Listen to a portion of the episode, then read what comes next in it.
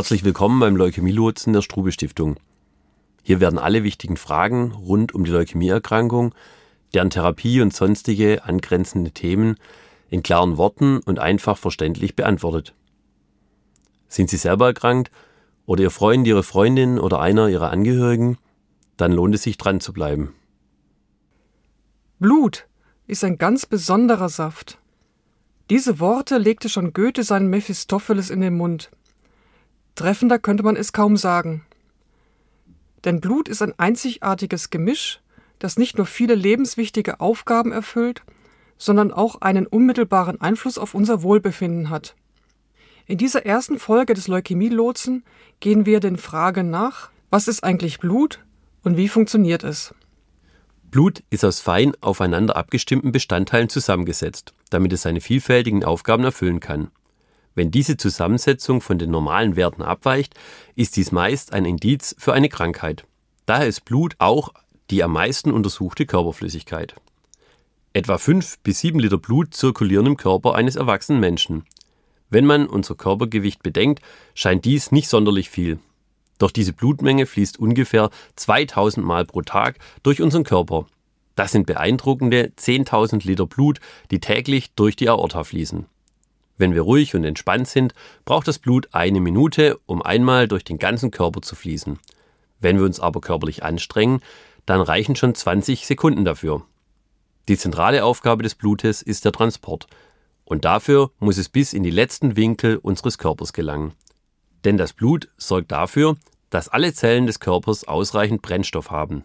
Es bringt ihnen Sauerstoff und energiereiche Stoffe wie Traubenzucker. Das Kohlendioxid, das bei der Verbrennung entsteht, wird wieder abtransportiert und durch die Lunge ausgeatmet. Außerdem verteilt das Blut Hormone, Mineralstoffe und Vitamine im Körper und leitet Abfall und Giftstoffe zu den Ausscheidungsorganen, vor allem in die Leber und in die Nieren. Nicht zu vergessen ist der Transport von Wärme, sodass das Blut auch für die Wärmeregulierung des Körpers mitverantwortlich ist.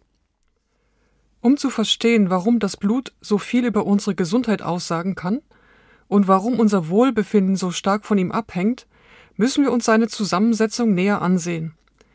Dafür werden wir zwar einige Fachwörter benötigen, aber diese werden Sie auch wirklich ganz häufig hören. Also, es lohnt sich. Wenn ich ein Sinnbild für das Blut und seine Bedeutung für unser Befinden suchen müsste, so denke ich an das Wetter. Denn das Wetter beeinflusst ebenso unser Wohlbefinden und es ist extrem wichtig, dass wir uns entsprechend vorbereiten. Bei Kälte sollten wir uns warm anziehen, bei Hitze ausreichend Getränke dabei haben bei Regen ist ein Regenschirm unser liebster Begleiter. Deswegen hören wir den Wetterbericht, interessieren uns für erwartete Temperaturen, Regenmenge, Windstärke und Sonnenstunden, bevor wir uns auf eine Wanderung begeben oder mit einem kleinen Segelschiff auf See stechen. Das Blut ist in gewisser Weise unser inneres Wetter. Normalerweise ist immer alles perfekt ausbalanciert, als ob wir ständig bei mildem Sonnenschein und lauen Lüftchen an einem sanft plätschernden See leben würden. Wenn aber dieser Zustand aus irgendeinem Grund gestört wird, spüren wir sehr schnell, dass etwas nicht in Ordnung ist. Und das, was wir spüren, lässt sich an der Zusammensetzung des Blutes ablesen, die dann von der Norm abweicht. Warum das so ist und wie wir unsere innere Wetterlage besser verstehen und interpretieren können, wollen wir hier anschauen. Also zur Zusammensetzung des Blutes. Etwa die Hälfte des Blutes besteht aus Plasma. Plasma ist sozusagen der flüssige Teil des Blutes und besteht zu 90 Prozent aus Wasser. Ansonsten finden sich im Plasma noch weitere wichtige Dinge wie Proteine, Elektrolyte, Glucose, Enzyme und Hormone. Das Blutplasma allein sieht wie eine gelbliche Flüssigkeit aus.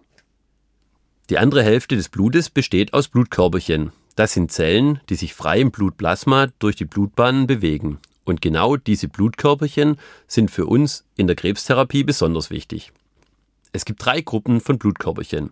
Die Gruppe mit der bei weitem größten Anzahl von Zellen ist die der Erythrozyten.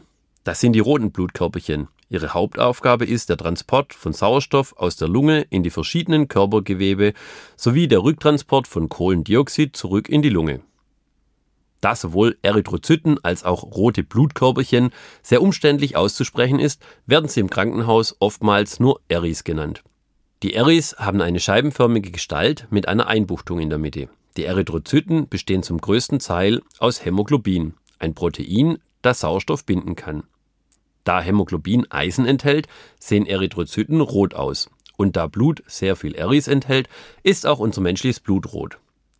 Erythrozyten sind sehr klein, da sie auch in die feinsten Gewebebereiche des Körpers vordringen müssen. Die roten Blutkörperchen werden im Knochenmark gebildet und in der Milz abgebaut. Sie leben durchschnittlich etwa 120 Tage. An zweiter Stelle kommen die Leukozyten bzw. die weißen Blutkörperchen. Unter dem Mikroskop sehen die Leukozyten im Vergleich zu den Erythrozyten eher weißlich bzw. farblos aus. Daher auch der Name. Ihre Anzahl ist zwar deutlich geringer als die der Erythrozyten, aber immer noch sehr beeindruckend. Auch die Leukozyten haben einen Krankenhausspitznamen, denn sie werden dort verkürzt Leukos genannt. Die Leukos sind für die Abwehr von körperfremden und schädlichen Substanzen zuständig. Sie gehören damit zum Immunsystem unseres Körpers. Genauso wie die roten Blutkörperchen schwimmen die Leukos im Blutplasma und erreichen so auch die hintersten Winkel unseres Körpers, um dort Fremdes oder Krankmachendes aufzuspüren. Zu den schädlichen Substanzen oder Krankheitserregern die die Leukos abwehren können, gehören Bakterien und Viren, Pilze, körperfremde Partikel, Giftstoffe und auch Tumorzellen. Da diese Fremd- oder Giftstoffe sehr unterschiedlich sind, gibt es verschiedene Unterarten der Leukozyten. Jede Gruppe hat dabei eine sehr spezielle Aufgabe innerhalb des Immunsystems. Oftmals werden die Leukos mit einer körpereigenen Polizei verglichen. Das ist zwar nicht falsch, aber irgendwie auch zu kurz gesprungen. Die Leukos sind eine solch bunte und vielfältige Truppe, dass man sie mit der Verkehrspolizei, der Kriminalpolizei, dem SEK, dem Drogendezernat und dem Kampfmittelräumdienst vergleichen sollte. Und dann fehlen immer noch einige Spezialisten in der Aufzählung. Daher werden wir zu einem späteren Zeitpunkt, nämlich in der Folge 3 zum Immunsystem, noch einmal die Leukos im Detail betrachten. Denn welche Sorte von Spezialisten gerade gefragt ist, gibt uns auch Auskunft darüber, welche Art von Problem vorliegt. Und abschließend noch dies. Die Lebensdauer der Leukos reicht von wenigen Tagen bis zu vielen Jahren. Als letzte Gruppe haben wir die Thrombozyten, auf Deutsch Blutblättchen.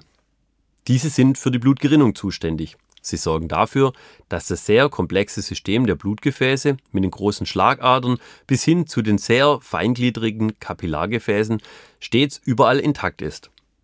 Denn auch kleine Verletzungen, sowohl äußere als auch innere, können kritisch sein. Unkontrollierter Blutverlust muss schnell gestoppt werden. Und Wunden bilden eine Eintrittspforte für Keime und Krankheitserreger. Die Thrombozyten oder kurz Thrombos sind die kleinsten Zellen im Blut. Sie sehen recht ungewöhnlich aus, nämlich wie ein kleiner Klumpen mit zahlreichen Fangarmen. Wenn es irgendwo eine Verletzung der Blutbahn gibt, werden sie aktiv. Dann entfalten sie ihre Fangarme und sorgen so dafür, dass die Wunde schnell verschlossen wird. Die Thrombozyten sind so eine Art schnelle Eingreiftruppe für den Notfall, die verletztes Gewebe der Blutbahn schnell abdichtet, sodass so wenig wie möglich Blut verloren geht.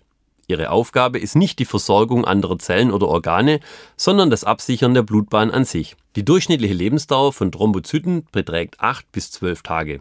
Der Abbau erfolgt hauptsächlich in der Milz. Und warum ist es lohnend, sich all diese Begriffe zu merken? Eine Leukämie erkennt man an der starken Abweichung der Blutwerte von dem Normalzustand. Auch im Rahmen einer Chemotherapie werden die Blutwerte große Schwankungen durchmachen. Ihre Ärzte werden daher immer wieder mit Ihnen über Ihre Blutwerte sprechen. Da ist es hilfreich, wenn Sie Ihre innere Wetterkarte kennen und vor allem mit den Fachbegriffen etwas anfangen können. So ist es für Sie nachvollziehbar, was der Arzt meint und worauf Sie im Laufe der Therapie achten sollten. Damit ist diese Folge nun zu Ende. Aber bleiben Sie dran, denn die nächste Folge erklärt, wie unser Blutbildungssystem funktioniert und was eigentlich Stammzellen sind. Und im Anschluss daran, endlich verständlich, das Immunsystem.